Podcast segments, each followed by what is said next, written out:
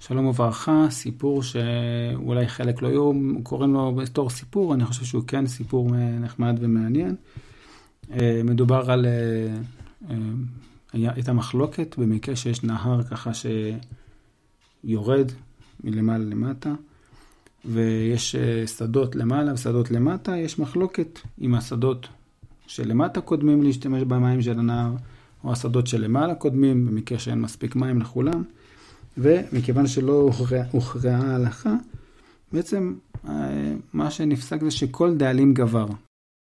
אלים הכוונה חזק, זאת אומרת מי שחזק יותר או בכוח או בצורות אחרות, אה, להשתלט על המים של הנהר, הוא זה שמשתלט, מכיוון שלא נפסקה ההלכה. ועכשיו הסיפור שלנו, הגיע הרב שימי בר אשי לאביי, ואמר לו, בוא תשב, תשב תלמד איתי. אמר לו אביי, יש לי לימוד שלי, אני לא, לא יכול, אני לומד. יש לי לימוד שאני צריך ללמוד. אמר לו רב שימי בראשי, אולי תלמד איתי בלילה. אביי אמר, תראה, בלילה אני עסוק להשקות מים את השדות שלי, לא יכול בלילה. רב שימי בראשי הציע, אני אשקה לך את השדות שלך בימים, ואתה תשב ללמוד איתי בלילה. יתפנה לך זמן, תשב איתי בלילה. אביי אמר, בסדר, אין בעיה. וכנראה שהיה מצב בדיוק כמו מה שתיארנו, שהשדה של אביי הייתה באמצע. הלך רב שימי בראשי לאלה העליונים, אמר להם, תראו, ההלכה היא שהתחתונים שותים ראשונים מהמים. הלך לתחתונים, לבעלי השדות התחתונים, אמר, ההלכה היא שהעליונים שותים ראשונים.